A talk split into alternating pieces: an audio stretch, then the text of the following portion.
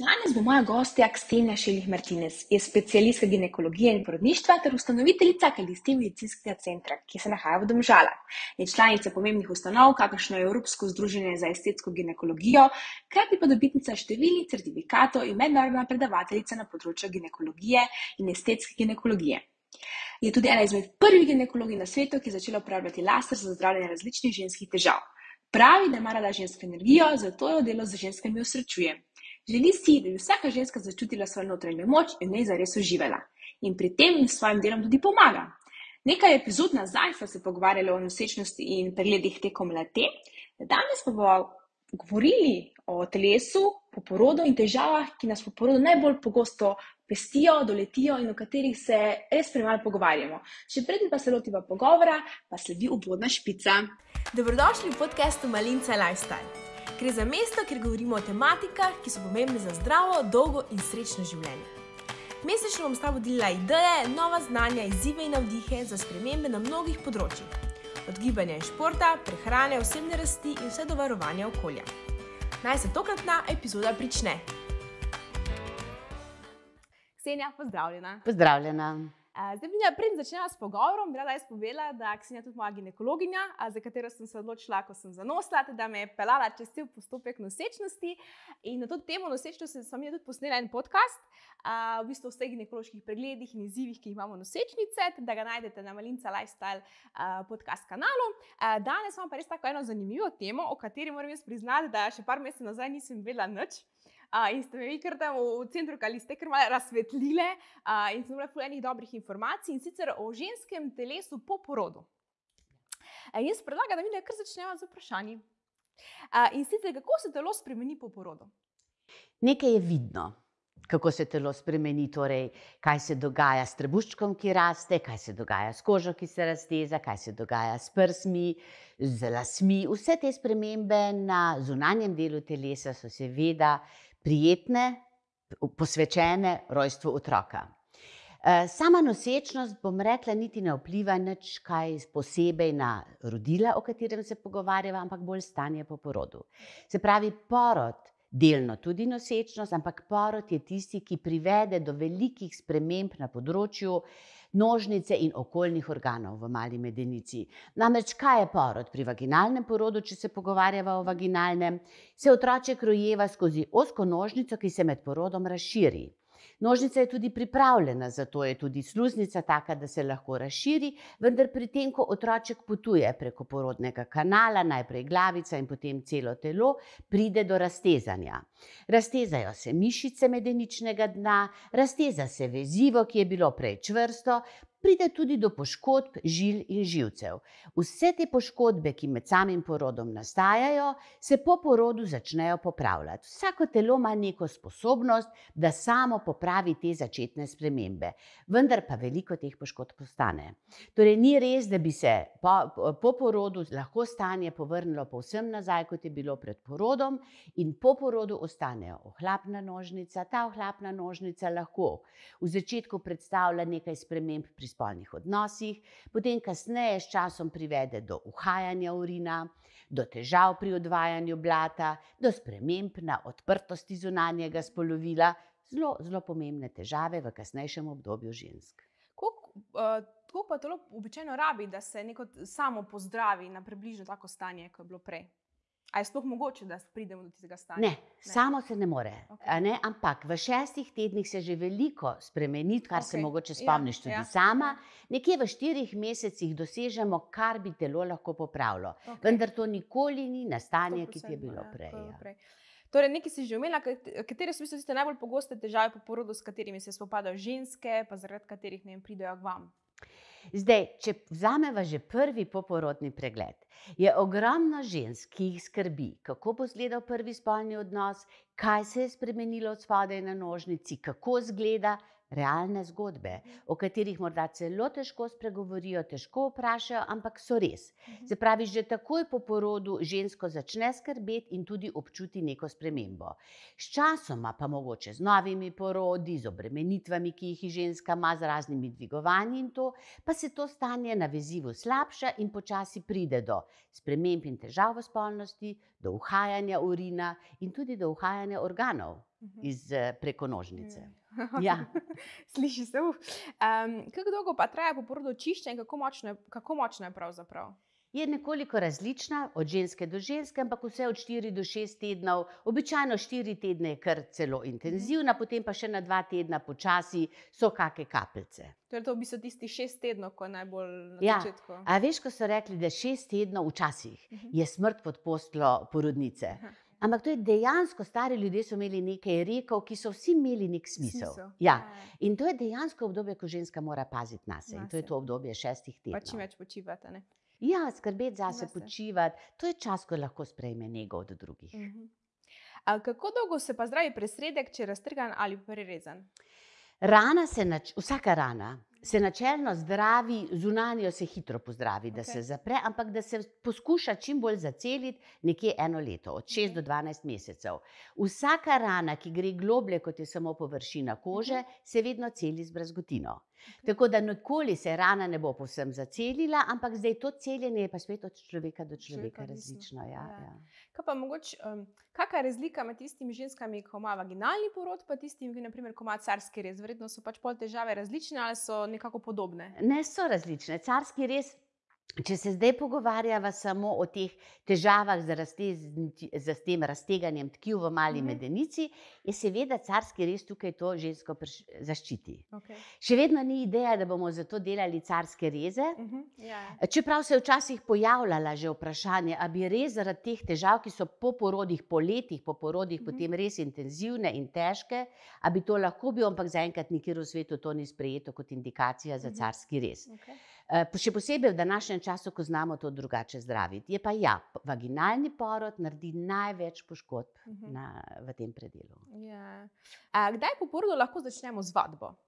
Prvih šest tednov smo rekli, da ženska skrbi zase, ampak že v tem času lahko začne vaditi mišice medeničnega dna. Okay. Sej se spomniš, že v porodnišnici pride fizioterapeutka in začne ženske vabiti na to, Mhm. da začnejo migati. Časi, ko so po porodu ženske ležale, ko so ležale po šest tednov, Ja. so že daleč mimo, ker je to za žensko bolj nevarno. Najprej je torej zelo pomembno, da ženska okrepi mišice medeničnega Okej. dna. Potem pa, da se začne počasi zavedati trebušnih in hrbtnih mišic. Vse to, močne trebušne in hrbtne mišice omogočajo, da organi, ki so v trebuhu, lebdijo v trebuhu. Če so slabe, vsi ti organi padejo na maternico. Močno medenično dno pa podpira te organe v Mhm. trebuhu. In če začneš čutiti svoje mišice, takrat šele lahko začneš teči, delati trebušnjake in vse ostale vadbe. Če je prvi cilj, ok, imam trebušne mišice raztegnjene, hočem delati trebušnjake, se začneš z vajami, bojo pritiski na organe v medeničnem dnu večji in lahko narediš na samem medeničnem dnu slabše. Slabše. Torej, začeti je treba takoj, začeti je pa treba malo kontrolirano Uh -huh. za poskrbeti za mišice in potem počasi dodajati. Kadar imamo carski rez, je seveda res na trebuhu, ki ga je treba upoštevati, zato nekako prve štiri mesece smo sploh bolj nežni, delamo pa vaje. Vaj. Kaj pa vaj za medenično dno je tudi fajn, že v bistvu pred porodom. Ne? A seveda. Ja, Vaje za medenično dno so res pomembne, tako kot sem prej rekla, ker pridržujejo vse organe v trebuhu, ker tukaj ni kosti, ki bi držala organe. To velja za ženske in za moške. Mm. Ampak pri moških ni tega poškodbe, kot je Ja, porod, zato ja. manj govorimo, imajo pa tudi oni mišice medeničnega dna. E, Torej, če te mišice znamo, da jih čutimo, da jih vadimo, bomo nekako tudi ustvarili boljše občutje pri porodu. Mhm. Zato svetujemo ženskam med nosečnostjo mišice medeničnega dna, tudi trebušne mišice, ker z mišicami rojevamo. Ja, Tako da, ja, že nosečnost je tista, ko je prav, da skrbimo. za. A Kaj pa po porodu, s kakimi po porodu s spolnimi odnosi in kje se lahko pojavijo težave, oziroma katerih težav je največ ponavadi? Običajno se začne s prvim spolnim odnosom, nekje šest tednov po porodu, običajno tudi ženska prej pride k ginekologu, da pogledamo, če je vse v redu. Zdaj, prvi spolni odnos po porodu je lahko pravi izziv. Prvič ima ženska neke strahove, ki so posledica poroda, ki roko na srce z nekimi bolečinami je povezan. Drugo je, eh, običajno ženske dan danes rojevajo. Eh, Pardon, ženske dan danes dojijo, kar posledično pogosto pripelje do tega, da ni hormonov. Tako da je neko prehodno stanje, ki je podobno menopauzi, in to je stanje, pri katerem se nožnica ne vlaži dovolj. Zato je nožnica bolj suha, kar še dodatno privede do tega, da je lahko spolni odnos manj prijeten in bolj občutljiv. Kot tretje bi pa rekla, da je ženska po porodu praviloma utrujena, otrok ne spi, doji, Mm. skrbijo. Tako da je kar nekaj razlogov, da je lahko prvi spolni odnos izziv. Dobro je, da bi moški to vedel, Mhm. ker bi potem lahko ženski pomagal, bi žensko lažje razumel. V resnici je pa tako, da je moške po porodu strah, a kje sem pa zdaj jaz, Ja. zdaj ima pa ženska otroka, zdaj pa samo za otroka skrbela in potem še spolni odnos ne uspe in se potem tudi moški ustrašijo. Ja. Torej, lahko začnejo s spolnimi odnosi, prav je upoštevati stanje telesa takrat, lahko si pomaga s kakimi oljčki, z razumevanjem med sabo, kaj se dogaja. Ja. Torej, dansko je pojeni šest tednov po porodu se. Se lahko Se začne. začne. Ampak pri tem je pa še tako, da potem pa so tisti strahovi, ko sem prej govorila. Mhm. Da ni samo torej to realno, kar se vidi, ampak a sem res spodaj drugačna, Mhm. a, k- a bo res še zadovoljen. A veš, Ja, pa se pa pojavljajo ti Malo- problemi. malo Psihološko še Ja, vse ja, zadnje. ja. Ja. Zdaj pa še mogoče malo o tej um, metodi, ki jo v bistvu izvajate v vašem centru, pa nisem nikjer drugje opazila v tem ošotu. Če bi Mhm. lahko mogoče malo več povedala, pa če je v bistvu primeren za ženske po porodu. Ja, ošot, orgazem šot, vemo, čemu je namenjen, torej izboljšanju spolnosti pri ženski. Jaz mislim, da je ta hip to edina terapija, ki res lahko nekaj naredi. Do zdaj smo vedno govorili pri ženski, pri spolnosti vse v glavi. Pa ni res, glej, že o tem, kar se zdaj pogovarjamo, poškodbe, ki so pri porodih, pa kasneje z leti tudi hormonske spremembe, dejansko privedejo do sprememb, eh, ki jih ženska pač občuti. In zdaj ošot, ošot je iz, izumil američan, zato je Mhm. tudi tako mogoče malo bombastično ime. Ime, ja. Tako. Ampak on je izumil vse te vampire procedure, Mhm. eh, kjer pa uporabljamo pacijentkino lastno kri, odtot tudi ta naziv vampire. Uh, pacijentkina lastna kri, iz katere se naredi plazma bogato s trombociti, se pravi, nič ne dodajamo, samo Mhm. kri od pacijentke pravilno pripravimo. V trombocitih so rastni faktorji. Ti rastni faktorji, ko pridejo v tkivo, torej ko ubrizgamo plazmo, ko se trombociti sprostijo, ti rastni faktorji pridejo v tkivo in izboljšajo prekrvavitev, obnavljajo tkivo, ohranjajo, izboljšajo živčne končiče in posledično skušajo regenerirati tkivo. Okej. Zato je to tudi pravzaprav področje tako imenovane regenerativne medicine. Aha. S tem, ko ubrizgamo plazmo v klitoris, seveda ga predhodno omrtvičimo. Mhm. Izboljšamo vzburjenje in izboljšamo kvaliteto orgazma. S tem, ko ubrizgamo drugi del pod na to področje, ki mu še danes rečemo G. Točka, zdaj zakaj rečem še danes, ker se tukaj krešejo mnenja, ali G. Točka Aha. obstaja ali ne. Okej. Vsekakor pa obstaja področje med sečnico in nožnico, ki je aktivno, kjer je v spolnosti pomembno. Okej. To je področje, kjer so tako imenovane skenove žleze, ki jim rečemo pogosto kar že, eh, ženska prostata in so res pomembne pri doživljanju spolnosti. In drugi del injekcije pri ošotu gre za obnovo tega tkiva. Je pa to tkivo tudi pod sečnico in zato z isto injekcijo rešujemo tudi začetne stopnje uhajanja urina. Pa eh, koliko časa po, tem, um, po tej proceduri pa to učinkuje, oziroma koliko časa sploh ta deluje ta ošot? Ja, ni takojšen rezultat. Telo z eh, injekcijo dobi eh, stimulacijo Mhm. in potem rabi nekaj časa, običajno dva do tri tedne, da se na to stimulacijo odzove. Torej, prve spremembe pričakujemo nekje po dveh do treh tednih Okej. in v treh mesecih nekako dobimo, kaj z eno terapijo lahko dobimo. Mhm. Zakaj tako rečem ne natančno? Zato, ker nikoli ne veš, kako bo določeno telo reagiralo. V medicini pač žal ni tako, da bi jaz rekla, ok, za 50% bo boljše z eno, za Ja. 70% z drugo, ampak vsako telo reagira nekoliko drugače. Eh, Zato ženske po porodu običajno potrebujejo eno terapijo, da Mhm. skušamo obnoviti, kar se je pri porodu zgodilo, potem pa po porodu ni ideja, zdaj pa obnavljamo. Mhm. Ženska ob tem tudi dobi informacijo, kaj lahko z ošotom naredimo, in se potem lahko sama odloči. To je drugače kot v pomenopauzi, kjer pač potem moramo obnavljati, ker obstaja naprej hormonsko neravnovesje. Ja, moram samo povedati, da a, kljub temu, da se morda sliši malo grozno, ko se reče injekcija, to moram povedati, da nič ne boli. Jaz sem en teden nazaj, zdaj bomo videli, kakšni bodo rezultati, to še ne morem povedati, ampak je res čist v bistvu neboleč Res, ja. uh, poseg, ki nekako sem. Prvo, da ti vzamete kri, pol pa pol ure počakaš, pol pa pet minut, pa sem le konca. ne. Ja, Zelo, ja, ja. Je pa grozno razmišljati o tem, da bo injekcija v klitoris. ja, ja. In ti noben ne more vzeti strahu, zato je fajn, če tako poveš na osnovi lastne izkušnje, nič- da res ne boli. nič Ja, ni- Nisem ja. sploh čutila, v bistvu, Ja, da, ja. da si to zrihtala. Uh, teda, ja. okay, gremo pa zdaj še naprej malo na uhajanje urina uh, in katere ženske v bistvu največkrat prizadene. Uhajanje urina je najpogostejša težava Mhm. pri ženskah. Zdaj prizadene ženske vseh starosti, je pa več oblik uhajanja Okej. urina. Stresna urinska inkontinenca, to je to, ko skačeš ob naporu, ko kašljaš, kihaš. To, to, to, plešeš se, in mi- to. to se meni po porodu pojavlja. Ja, to je tako imenovana stresna, najbolj značilna uh -huh. po Mhm. porodu. Uh, tudi porod, vagin, posebej vaginalni porod, je največji stimulus za nastanek te Aha, okej. inkontinence. Lahko jo dobi že ženska po prvem porodu. Mhm. Izjemoma redke so tudi ženske, ki imajo slabost veziva in jo imajo tudi brez Že prej. poroda. Ja, že prej. Eh, Seveda se pa potem z leti obremenitev na nožnico veča, dvigovanje, novi porodi, hormonske spremembe, zato z leti pridobivamo in vedno več žensk, ki to Mhm. težavo imajo. Medtem ko druga oblika, urgentna urinska inkontinenca, se tudi lahko javi pri Okej. vseh letih, tako pri ženskah kot pri moških, ampak je bolj pogosta po 50-60 letu in običajno celo združena skupaj s stresno, tako da govorimo o mešani. In kako se potem te težave rešujejo, naprimer, ko sem imela to malo bolj blago obliko, je drugače, pa verjetno, če je. Seveda. Ja. Ženske se sploh sprašujejo, koliko pa moram čakati, koliko mi pa mora uhajati, da pridem na terapijo. Ja, ja. Najboljše je, da pravzaprav pridem, pride ženska takoj, vsaka kapljica urina, ki uide, je alarm. Ja. Lahko, seveda, po porodu, ideja je, da bi celo po porodu ženska vedela, da če bomo popravili nožnico, tudi če urin ne uhaja, če skušamo učvrstiti nožnico nazaj, celo delamo lahko to preventivno. Mhm. Sicer pa takoj, ko se težava pojavi, je pametno, da ženska pride na terapijo, posebej v današnjem času, ker imamo res široko paleto različnih storitev. Mhm. Včasih so bile keglove vaje, potem je bila pa že operacija. Mhm. In operacija ni bila mišljena za 30-letnico, Ja. če se je le dalo, ne.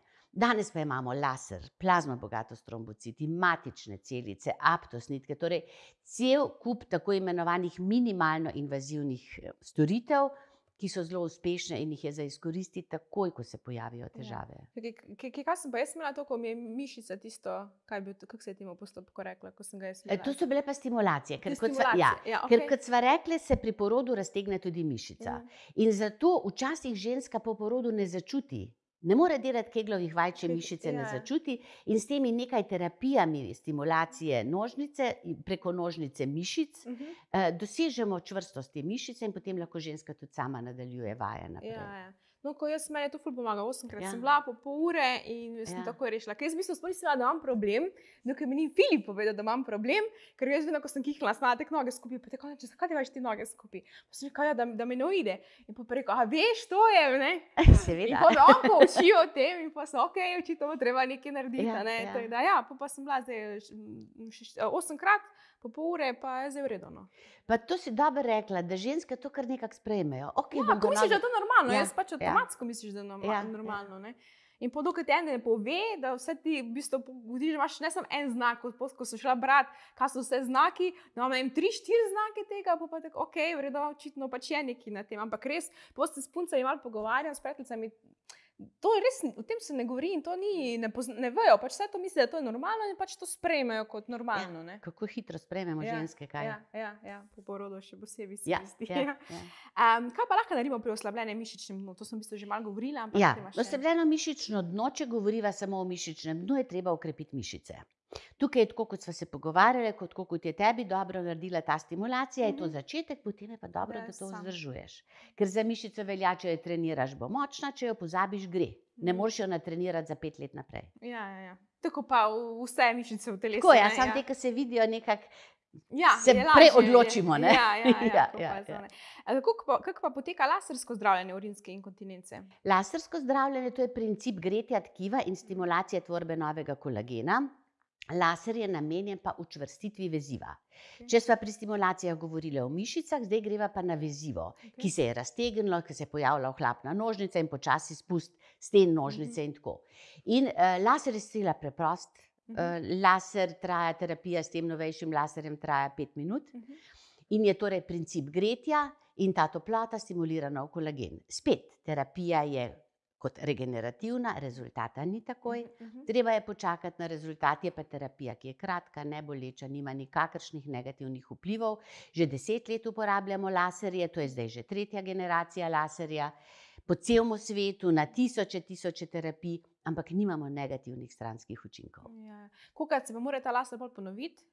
Običajno svetujemo tri terapije, Tri včasih terapije. sta dovolj dve. Okay. Je pa jasno, da vezivo ne moreš spet ne narediti za deset let čvrsto. a ne? Ja, ja, Ti ja. vezivo moraš okrepiti in po porodu. Tako kot si ti, po porodu velja narediti eno, vsaj dva laserja, dva do tri Mhm. laserje, potem pa ni potrebno ponovitev, če ni težav. Okay. Medtem ko ženska, ki pa ji uhaja urin, bo pa verjetno mogla imeti ponovitve. Uh -huh. Za 90% žensk to velja ena terapija vsaki dve leti. Aha, okay. Dobro, kaj pa so te ap aptos nitke in kako se uporabljajo? To je meni tako fascinantno. Ja. no. Aftos nitke, mogoče marsikatera ve, da nitke se uporablja za pomlajevanje obraza. Mhm, E, Nitka je iz podobnega materiala kot je šivalni material, mhm, ampak ima take uh, kaveljčke. mhm. In ko nitko daš v tkivo, ko jo malo potegneš, skrči vezivo. Zato se tudi na obrazu skrči vezivo, dvigne in Je. tako. In te nitke že tri leta uporabljamo tudi na področju ginekologije, ko nitko daš preko nožnice pod sečnico in to tkivo učvrstiš, še bolj intenzivno učvrstiš tkivo pod sečnico in sečnico podpreš. Enako naredimo na zadnji steni proti črevesju, tako fino zožimo nožnico, Mhm. kar je za spolne odnose zelo v redu, in jo učvrstimo, s tem tudi izboljšujemo stresno urinsko inkontinenco in te začetne cistokele, ki se mehur spušča, Mhm. ali pa rektokele, ki se črevo eh, spušča, ki se tero- črevo tudi pojavi, da se vidi. Eh, Nitka ima takojšnji rezultat, je pa pomembno, da ima v pol leta se bo na tem področju stvoril intenzivno nov kolagen in elastin. Okay. Zato bo od terapije naslednje pol leta stanje se še zelo izboljšalo. Okay. Ful zanimivih enih postopkov. Ne? Ja, ja, pa v bistvu vi pol priporočate ženski, ne, da pride vem, po tem, ko je rodila po parih mesecih na nek uh, pregled po svet in pol naredite neko svetovanje, kaj bi najbolj priporočali. Kak, na kak način poteka v bistvu to? Ja, ženska prvič, eh, dan danes še vedno ženska ne razmišlja o tem, da se kaj da narediti. Jaz nekako tudi razumem, šest tednov po porodu, kja- kam si usmerjen, v otroka, Ja. nisi še toliko v sebe. Mm. Ampak je prav, da ženska za te možnosti ve. Dobro bi bilo, če bi znotraj pol leta naredila, tako kot si ti, osem terapij za mišice, dva laserja in en ošot. S tem bi po, poskušali izboljšati mišice, vezivo, pa tudi živčevje. Torej, poskušali bo popraviti poškodbe, ki so nastale pri porodu. Nikoli jih čisto ne bomo popravili, ampak Mhm. kar z visokim procentom izboljšamo to stanje. Vsaka. Pa se to svetuje, ne, da se naredi po, po, po prvem porodu, ali pa ko konča z otroci, ali po vsakem. Nekaj vem, da je ena moja kolegica rekla, da bom to šla potem, ko bom po drugem porodu, ko bom končala z otroci, a ne zdaj bom še počakala. Če najboljše je narediti po vsakem porodu, da Mm. skušaš po vsakem porodu stanje popraviti, ker vsak porod bo imel novo poškodbo in bo stanje vedno slabše. Seveda, marsikatera razmišlja tako, kot si zdaj rekla, in ok, eh, samo takrat bo težje čisto popraviti, Ok. ker bo napak več, že, ker bo Mhm. poškodbe več. Um, zdaj, mogoče za na koncu zadnje vprašanje, pa me zanima, v bistvu, um, to se res priporoča vsem ženskam, ali so tukaj kakšne izjeme, ali pa ali se to priporoča tudi ženskam, ki so imele carski res, ali samo tistim, ki so pač imele uh, vaginalni porod. Prav gotovo vsem, ki so imeli vaginalni Aha, porod. okej. Pri carskem rezu moraš pa vedeti, da tudi nosečnost so pritiski in nekaj poškodb je, niso pa tako intenzivne. Mhm. Mišice ne nastradajo tako intenzivno, ker se maternica res pritiska navzdol, tudi zaradi hormonov se vse to tkivo zmehča, ampak te poškodbe niso potem tako intenzivne. Tako da zdaj ženska po carskem rezu, eventualno tudi če počaka na težave. Aha, Ampak po okej. porodu pa vemo, Vemo. da poškodbe so in da jih je pametno po vaginalnem. Ja, ja, o, o, o, čis, čim prej odpraviti. ne? Ja. Tako, a, Ksenija, hvala za tale pogovor, res je bilo veliko a, zanimivih informacij. Um, pa se vidimo tudi naslednjič. Velja. Ciao! No, pa smo prišli do konca. Verjamem, da ti bo kakšna od informacij prišla prav na tvoji življenjski poti. Če imaš kakršno koli vprašanje ali predlog, mi lahko vedno pošlješ na moj e-mail nastjaafnamalinca.si ali pa na zasebno sporočilo na Instagram malinca nastja. Ne pozabi stisniti subscribe, da ne zamudiš naslednjih epizod. Zelo vesela pa bom tudi tvoje ocene in mnenja pod to podcast platformo. Tako lahko pomagaš, da bo ta podcast prišel na hod tudi drugim poslušalcem. Imej lep dan in se slišiva spet k malu.